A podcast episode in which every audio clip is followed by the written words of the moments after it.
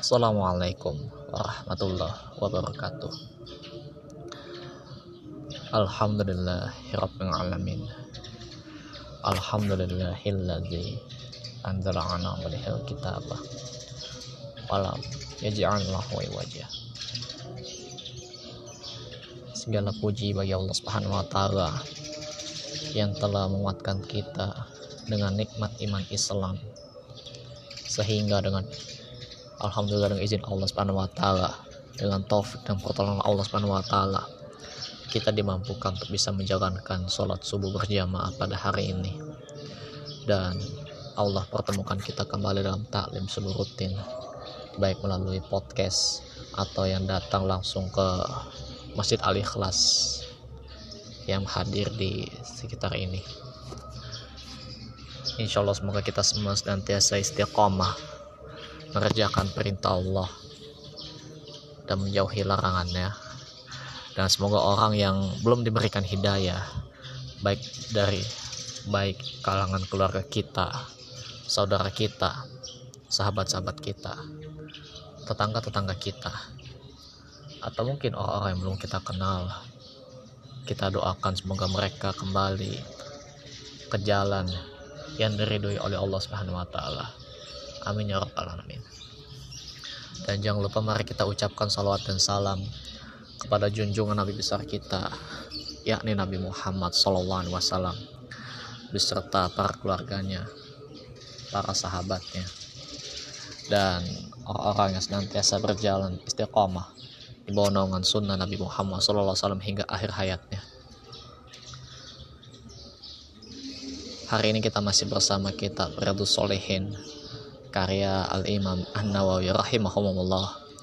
Semoga Allah merahmati beliau, keluarganya, orang tua beliau, guru-guru beliau, orang-orang yang beliau cintai dan juga seluruh kaum muslimin di mana pun berada. Dan Alhamdulillah kita masih bersama di bulan Ramadan. Mungkin sekitar sudah lima hari ya sudah lima hari berjalan bulan Ramadan ini. Atau sebagian mungkin ada yang baru hari keempat. Ya kita hargai bersama masing-masing pilihan orang. Tentunya dengan keyakinan. Ataupun jika memang pilihan tersebut dikatakan salah. Ya walaupun di sebagian besar yang sudah memulai puasa seharusnya di bulan di hari Sabtu kemarin ya maka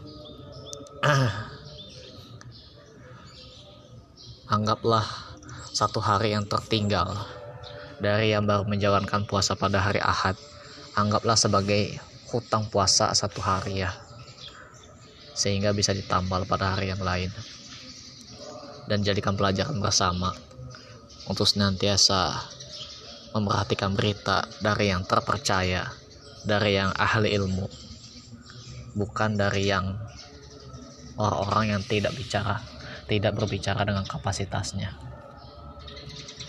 Mungkin itu untuk sekedar mengingatkan. Hari ini kita masih bersama bab yakin dan tawakal bab ketujuh yang disusun oleh Al-Imam An-Nawawi. Bab yang memang sudah direncanakan di bulan Ramadan ini akan diisi dengan bab yakin dan tawakal kita belajar yakin dan tawakal kepada Allah Subhanahu wa taala di bulan Ramadan. Bahwasanya menguatkan kekuatan kita dalam beribadah maupun aktivitas dunia kita dalam kehidupan sehari-hari itu datang dari pertolongan Allah Subhanahu wa taala. Dan salah satu cara kita meminta pertolongan kepada Allah adalah dengan kita bertawakal kepadanya. Sebagaimana perkataan Al-Imam Ibnu Qayyim dalam kitab Zadul Ma'ad siapa saja yang suka menjadi orang yang paling kuat. Barang siapa yang ingin barang siapa yang suka menjadi orang yang kuat maka hendaklah ia bertawakal kepada Allah. Bertawakal kepada Allah Subhanahu wa taala. Hari ini kita membahas ayat yang ketiga. Harusnya ayat kedua. Lalu ayat kedua ini sudah saya sampaikan dari kemarin. Ini silakan dicari bersama ustadz lain yang menyampaikan ya. Kita akan loncat ke ayat ketiga untuk mempersingkat waktu. Ayat ketiga yang dicantumkan al Imam An-Nawawi adalah surat Al-Furqan ayat 58 bisa dicek dalam kitab atau mungkin yang punya Al-Quran. Baik yang melalui aplikasi maupun mushaf silakan dibuka ya. Mungkin ini nanti ke depannya masing-masing silakan bawa Qurannya ya. Atau smartphone yang dipakai untuk baca Al-Quran silakan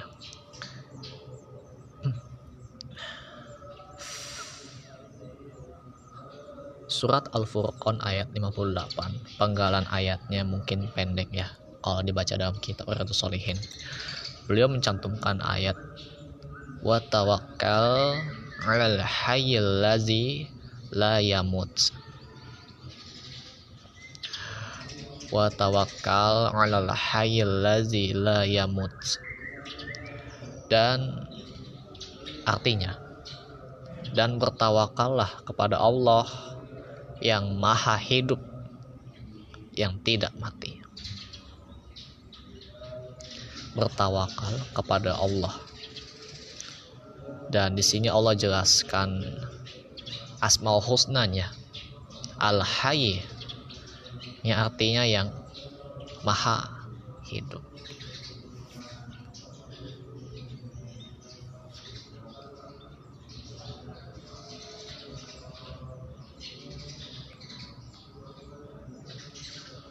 Mungkin ini adalah pelajaran Asmaul Husna. Pelajaran Asmaul Husna.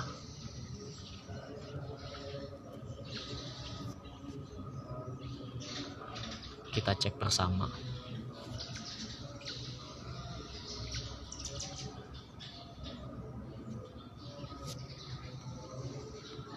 Sebelum kita jelaskan pengertian ayat ini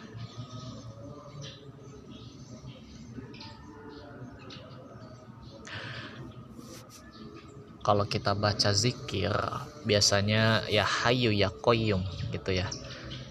Ya hayu ya koyum bi rahmatika astagis asleh li sya'ni kullahu wa la takilni ila nafsi turfatain itu zikir pagi petang biasanya ya. Namun kita akan bedah asmaul husnanya terlebih dahulu sebelum penjelasan ayatnya. Yang tentunya lewat berbagai macam sumber yang terpercaya.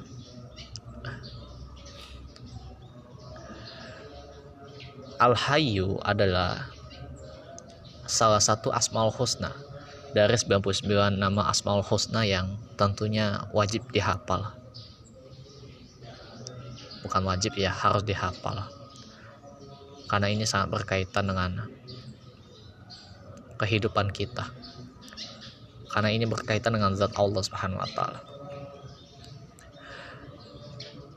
Selain ayat surat Al-Furqan ayat 58 ini, Allah juga sebutkan dalam banyak ayat yang menggunakan kata Al-Hayy. Contoh surat Ali Imran ayat 2. Allahu la ilaha illa huwal al-hayyu ya hayyu ya qayyum. Allahu la ilaha illa huwal hayyul qayyum. Allah tidak ada ilah yang berhak disembah kecuali dia yang maha hidup. Atau kalau pakai terjemahan kebanyakan yang hidup kekal gitu ya. Tapi yang lebih tepat tuh yang maha hidup. Yang maha hidup lagi terus menerus mengurus makhluknya.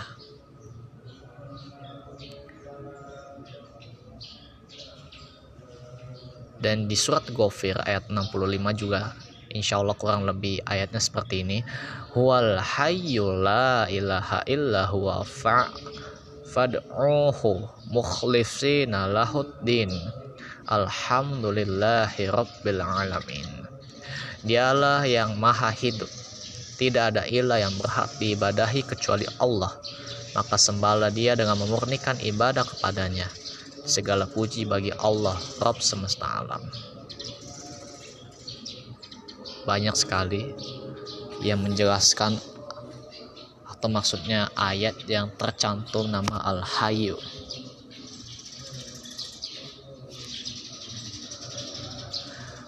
Mari kita bedah apa makna Al-Hayyu. Syekh Muhammad Khalil Al-Haras Haras mengatakan, Al-Hayyu adalah yang memiliki sifat hidup dengan kehidupan yang sempurna dan abadi yang di, tidak ditimpa kematian atau kefanaan. Kalau kita sebut fana bahasa lainnya binasa. Sebab sifat hidup bagi Allah baginya merupakan sifat zat Allah Subhanahu wa taala yang maha suci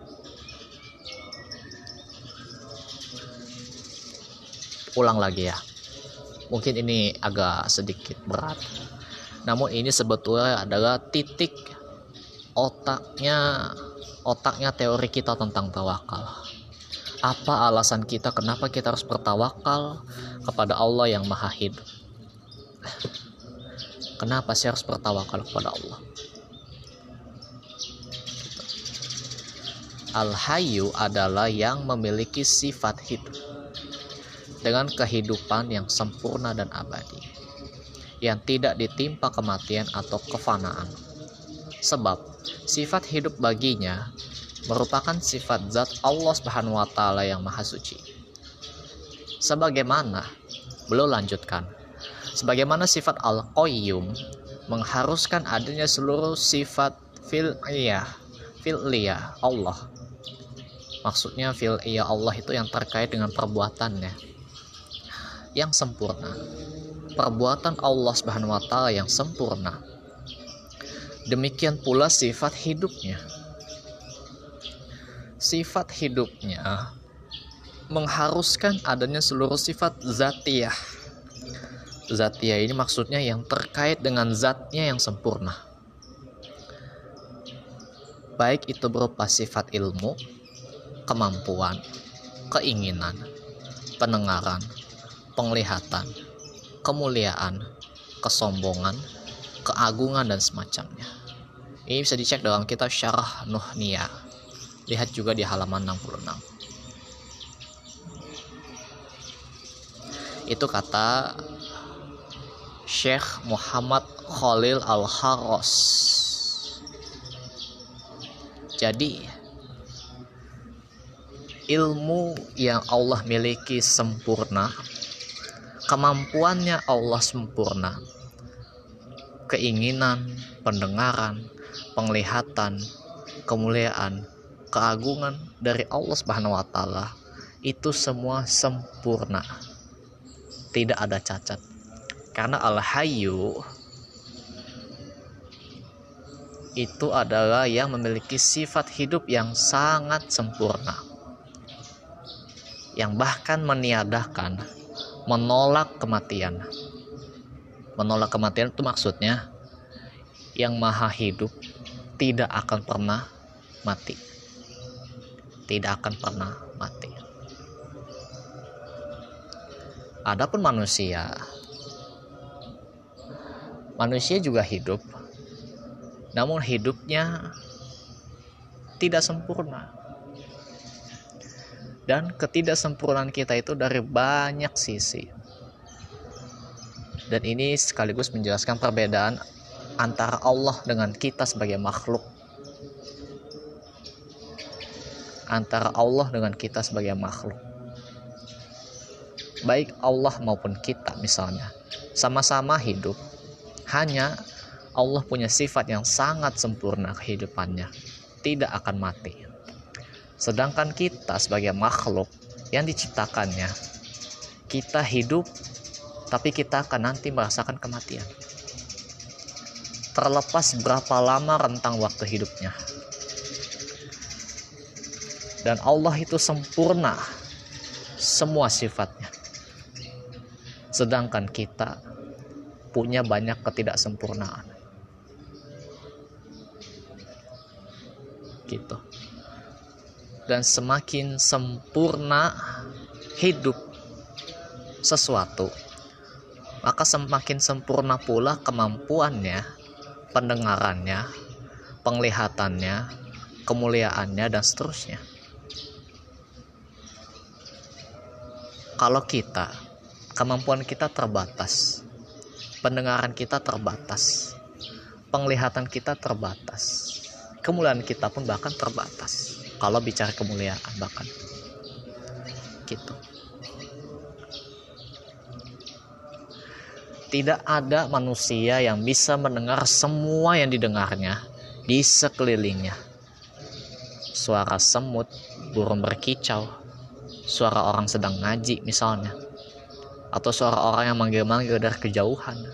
Ada suara anak-anak yang sedang main-main entah itu main bola main sepeda sambil teriak-teriak manggil atau suara orang yang sedang ngobrol baik itu ngobrolnya kenceng-kenceng atau bisik-bisik nggak ada yang bisa mendengar semua di sekelilingnya itu dengan satu pendengaran kita punya kemampuan terbatas. Hanya bisa mendengar dengan frekuensi sekian.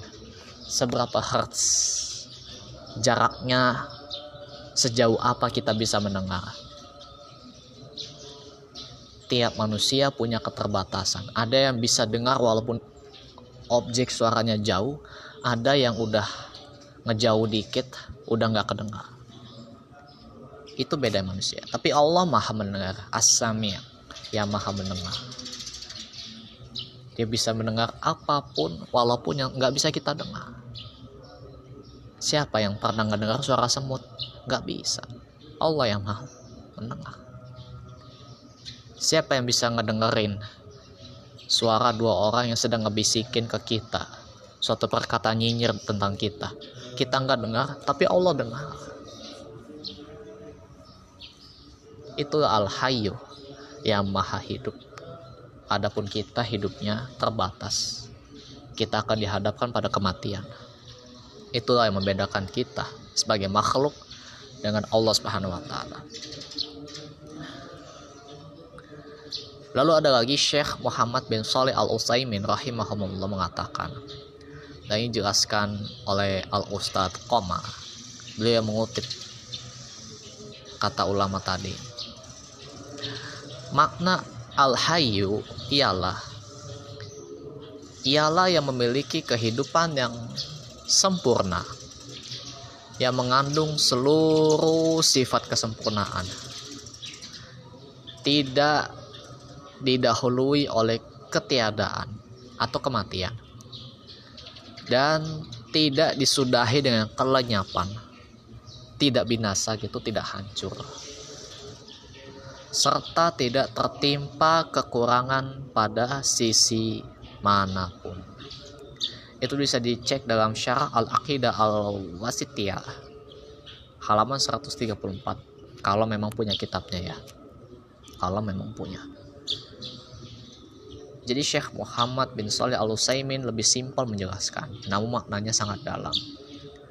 Beliau mengatakan Al-Hayyu adalah yang memiliki kehidupan yang sempurna, yang mengandung seluruh sifat kesempurnaan. Tidak akan mati dan tidak akan pernah lenyap serta tidak tertimpa kekurangan serta tidak memiliki kekurangan di sisi mana pun. Tidak ada yang cacat dari Allah Subhanahu wa taala pertolongan Allah sempurna, azabnya pun juga sempurna. Taufik dari Allah, Allah tidak kasih setengah-setengah. Kalau Allah kasih taufik, kasih taufik aja, sempurna. Tinggal bagaimana manusia menerima. Ngasih rezeki pun, Allah nggak ngasih setengah-setengah. Kalau itu sudah ketetapan Allah, itu yang akan dikasih. Tidak pelin-pelan. Mana mungkin pelin-pelan? kalau sudah bicara Allah sudah dikatakan sifatnya sempurna tidak ada cacat tidak ada kekurangan dari sisi mana pun beda dengan manusia. Manusia sudah jelas punya banyak kekurangan dari semua sisi. Kita mungkin jago bermain futsal namun belum tentu kita jago main basket. Kita jago main, main badminton tapi mungkin belum tentu jago berenang.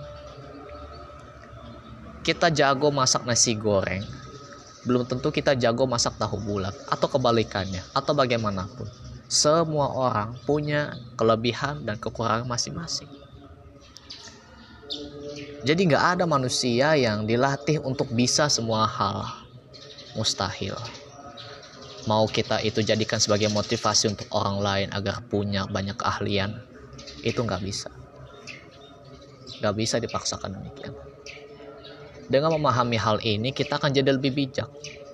Bahwa manusia itu tidak bisa dituntut sesuai dengan versi kita. Kamu tuh harus gini ya. Harus sempurna. Datang setiap hari tuh pokoknya jangan telat. Gak bisa. Kadang misalnya ada hajat. Tiba-tiba ada bantuan orang tua yang gak bisa ditolak. Sehingga datang ke sekolahnya terlambat karena alasan itu. Gak bisa. Pak wah untuk para jajaran pegawai dimohon datang ke kantor kita adakan rapat jam 9 belum tentu semuanya pada kompak jam 9 datang. Bisa jadi kejebak macet di hujan pada saat pemberangkatan. Ada orang udah bela-bela berangkat jam 7 tapi macet 2 jam. Sehingga nyampe-nyampe setengah 10 jam 10 belum tentu atau sangat simpel sekali. Siapa yang bisa on 24 jam seharian ini tanpa punya sifat ngantuk? On terus. Begitu. Dari jam 6 pagi ini misalnya. Siapa yang bisa lari dari jam 6 pagi hari ini sampai jam 6 pagi besok tanpa henti kalau nggak pakai istirahat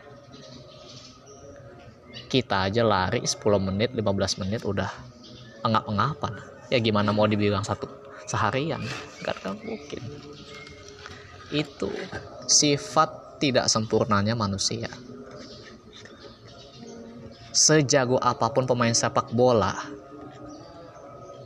yang suka nonton bola nih siapa yang punya schedule pertandingan pemain papan atas dunia tiga kali main dalam sehari.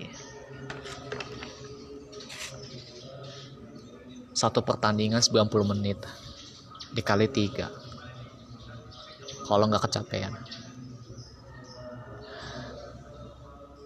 Pelatih papan atas dunia aja ketika melihat schedule jadwal istirahat timnya hanya sehari dua hari saja pada protes wah ini pada kecapean pak nanti kalau istirahatnya sampai segini banyak cedera nantinya. Nah itu cederanya itu nggak sempurna.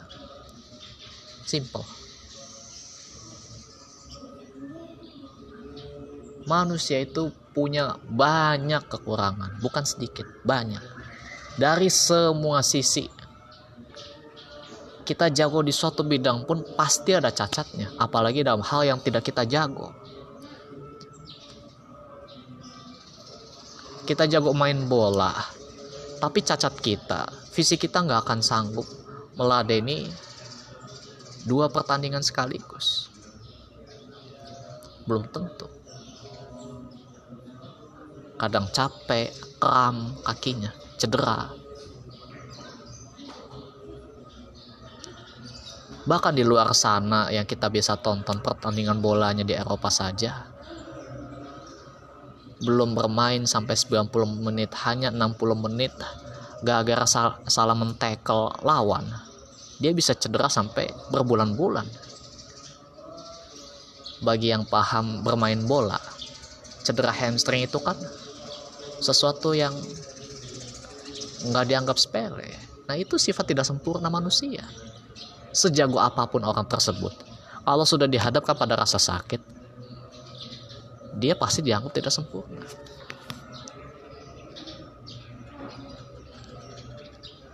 Bandingkan dengan Allah Subhanahu wa taala. Allah yang maha hidup. Yang tidak akan pernah mati. Nah, pelajaran untuk kita adalah kalau kita ingin bertawakal, bertawakal kepada yang maha hidup, yang sempurna perbuatannya. Kalau kita minta pertolongan kepada Allah, Allah akan kasih sempurna kepada kita. Gak akan setengah-setengah. Terlepas tahapannya itu.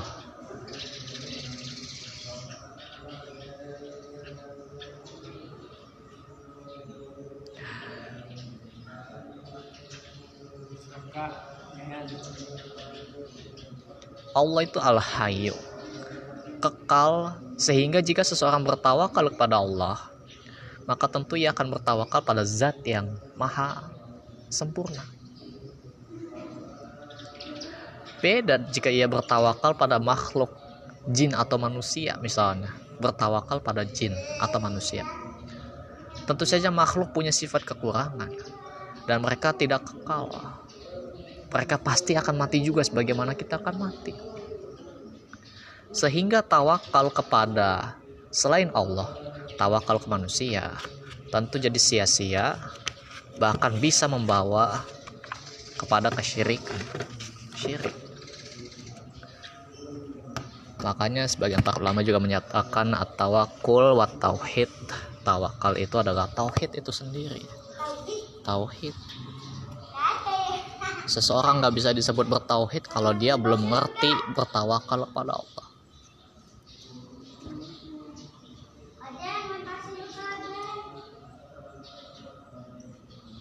Begitu.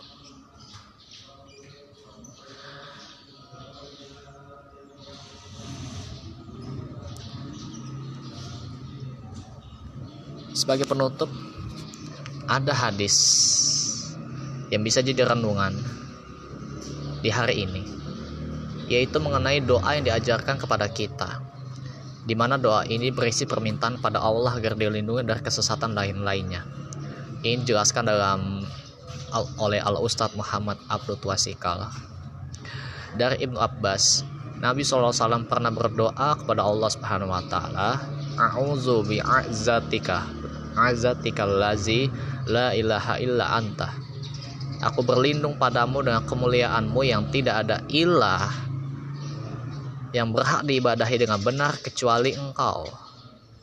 Allazi la yamutu wal jinnu wal insu yamutun. Di mana engkau tidaklah mati, sedangkan jin dan manusia itu mati. Ini bisa dicek dalam situs artikel Romasyo dan yang mengisi materinya adalah Ustadz Muhammad Abdul Tuasikal ya Insya Allah pelajari doa tersebut. Al-Imam Bukhari membawakan hadis di atas dalam bab bab firman Allah Ta'ala yang artinya dan dialah Rob yang maha kuasa lagi maha bijaksana. Maha suci Robmu yang mempunyai keperkasaan dari apa yang mereka katakan. Padahal kekuatan itu hanyalah bagi Allah bagi Rasulnya Hadis tadi, hadis dari Abdullah bin Abbas tadi adalah potongan hadis yang amat panjang yang berisi tentang bagaimana seorang seharusnya menghadap Allah. Juga berisi bagaimana seorang hamba dalam bertawasul, yaitu dengan Islam dan iman. Hadis ini juga mengajarkan tentang bagaimana seseorang bertawakal dan menyandarkan diri pada Allah Subhanahu wa taala. Beberapa faedah dari hadis di atas adalah bolehnya tawasul atau menjadikan sesuatu sebagai perantara dalam doa dengan iman dan amalan soleh di mana amalan yang utama adalah amalan hati berupa tawakal kepada Allah dan khudu. Khudu itu tunduk dan patuh. Yang kedua segala urusan atas kuasa Allah tidak ada kuasa bagi hamba terhadap sesuatu selain melalui kuasa Allah Subhanahu wa taala. Yang ketiga, di antara bentuk Islam dan iman adalah bertawakal pada Allah. Yang kita sudah jelaskan definisi dan definisinya adalah menyerahkan seluruh urusan pada Allah disertai melakukan sebab atau usaha. Yang keempat, tawakal pada Allah dan bertakwa padanya adalah sebab datangnya pertolongan. sebab datangnya pertolongan. Kita nggak dapat pertolongan pada Allah kita nggak punya pertolongan dari Allah mungkin karena kita tidak bertawakal dan tidak bertakwa. Bukankah di bab takwa sudah kita jelaskan? Sudah jelaskan ayat surat At-Talaq ayat 2 sampai 3 wa may yattaqillaha yaj'al lahum makhraja itu tentang takwa. Wa yarzuquhu min haitsu la yahtasib. Wa may yatawakkal 'alallah fahuwa hasbu. Nah itu tentang tawakal. Takwa dan tawakal. Takwa dan tawakal. Nah kebetulan di bab Riyadus Solihin ini setelah takwa adalah adalah yakin dan tawakal. Berarti nyambung ya. Satu korelasi penting. Kita minta pertolongan kepada Allah dengan takwa dan tawakal yang kelima Allah memiliki sifat izah atau kemuliaan dan yang dimaksud izah adalah kekuatan dan menang atas yang lainnya serta Allah sendirian dalam kesempurnaan. Jadi hanya Allah yang sempurna, yang lain tidaklah sempurna. Tidak sempurna.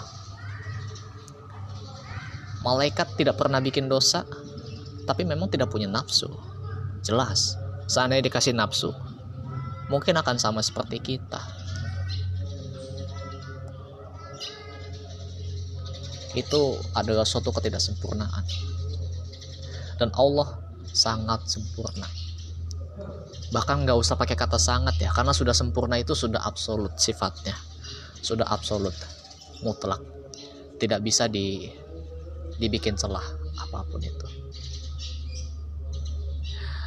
yang keenam dibolehkannya isti'azah isti'azah adalah meminta perlindungan pada Allah dengan izahnya kemuliaannya dan beristi'azah dengan kemuliaan Allah adalah di antara bentuk tawasul melalui sifat Allah yang mulia. Dan bukanlah yang dimaksud kita berdoa meminta pada sifat Allah, bukan. Jadi tidaklah dimaksud di sini seseorang boleh berdoa dengan mengatakan ya Allah, a'izni, wahai kemuliaan Allah, lindungilah aku. Bukan begitu maksudnya. Bukan begitu doanya. Tetapi kita berdoa dengan mengatakan Allahumma bi izzatika. Ya Allah, dengan kemuliaanmu begitu ya pokoknya dengan frasa kalimat begitulah yang tepat jangan pakai kalimat wahai kemuliaan Allah lindungilah aku bukan tapi fokuslah ya Allah dengan kemuliaanmu hamba berusaha menjaga diri dari sifat meminta misalnya. Begitu. Jadi diperhatikan dulu narasi doanya ya.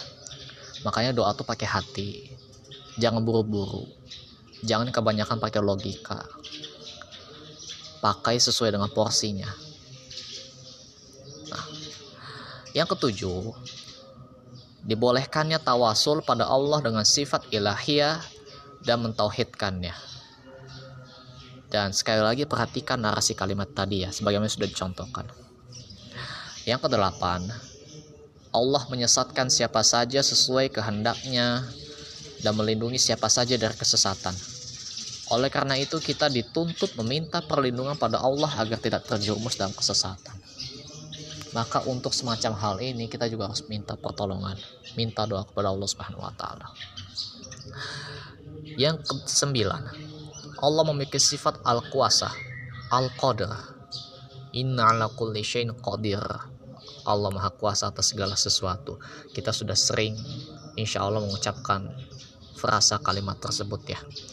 Baik itu ketika kita sedang baca tiga ayat terakhir surat Al-Baqarah atau zikir, zikir-zikir yang lain atau zikir semisal la ilaha illallah wahdahu la syarikalah lahul mulku wa lahul hamdu wa huwa ala kulli syai'in qadir.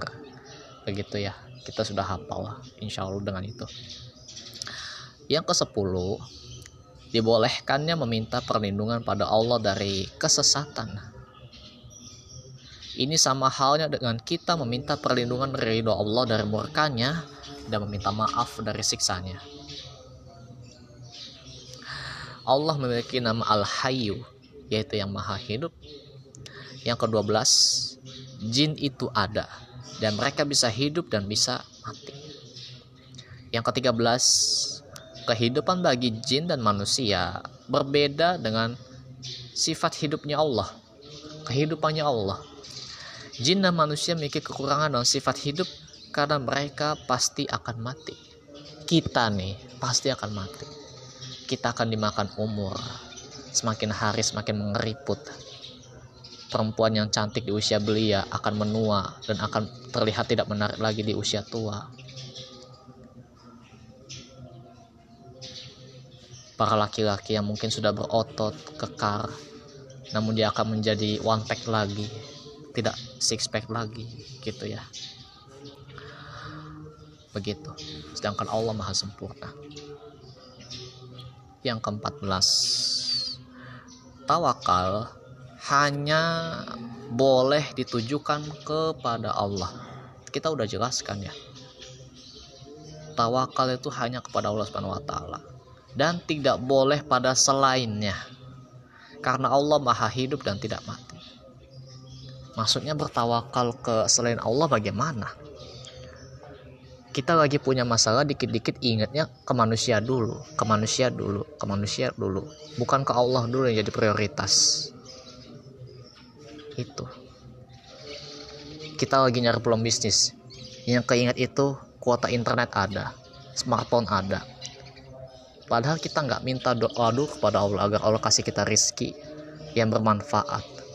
Sebagaimana Allah ajar Rasulullah ajarkan dalam doa sehabis subuh Allahumma ini as'alukal ilman nafi'an wa rizqan thayyiban wa amalan mutaqabbalan. Doa dulu. Baru setelah itu pagi-paginya cari peluang bisnis. Gitu. Cari peluang bisnis. Allah akan berikan kita ilmu yang bermanfaat. Ilmu tentang bagaimana kita bisa membedakan mana bisnis yang menguntungkan buat kita mana bisnis yang bodong mana bisnis yang tidak bertahan lama. Mana bisnis yang membawa kita pada keharaman. Dan seterusnya. Nah setelah kita dapat bisnis insya Allah kita akan dapat rezeki yang berkah yang bermanfaat. Dan insya Allah semoga dengan itu itu bisa dijadikan kita sebagai amal soleh. Sebagai sarana kita bisa beramal soleh. Dan insya Allah amal soleh kita diterima sama Allah jadi sangat simpelnya orang yang tawakal kepada Allah itu tidak lepas dari doa. Sebelum ngapa-ngapain doa dulu. Sebatas bismillah insya Allah itu sudah termasuk ya. Dan yang terakhir yang ke-15 tidak boleh kita bertawakal pada jin dan manusia. Dan ini sudah ditekankan tadi ya di poin 14 karena mereka tidak kekal abadi dan pasti akan mati berbeda dengan Allah yang kekal abadi dan memiliki sifat kesempurnaan yang tidak mengandung cacat sedikit pun. Gitu. Itu yang mungkin bisa disampaikan pada hari ini. Dan insya Allah besok kita akan membahas ayat keempat. Tepatnya di surat Ibrahim ayat 11 wa'alallahi wa'alallahi falyatawakkalil mu'minun. Dan hanya kepada Allah sajalah hendaknya orang-orang mukmin bertawakal. Jadi ini salah satu sifat orang mukmin. Dia adalah senantiasa hanya bertawakal ke Allah saja. Tidak ke yang lain. Penjelasannya insya Allah besok dan kita minta pertolongan kepada Allah Subhanahu wa taala agar Allah senantiasa menguatkan iman Islam kita di bulan Ramadan dan terus memperbaiki diri, mengevaluasi diri dan Semoga dengan apa yang kita lakukan di bulan Ramadan ini bisa menjadi benteng yang kokoh untuk diri kita menghadapi bulan-bulan berikutnya yang tentu lebih berat ujiannya. Amin ya rabbal alamin. Mungkin itu yang bisa disampaikan, kurang lebih mohon maaf. Sebelum kita tutup, marilah kita tutup dengan doa kifaratul majelis.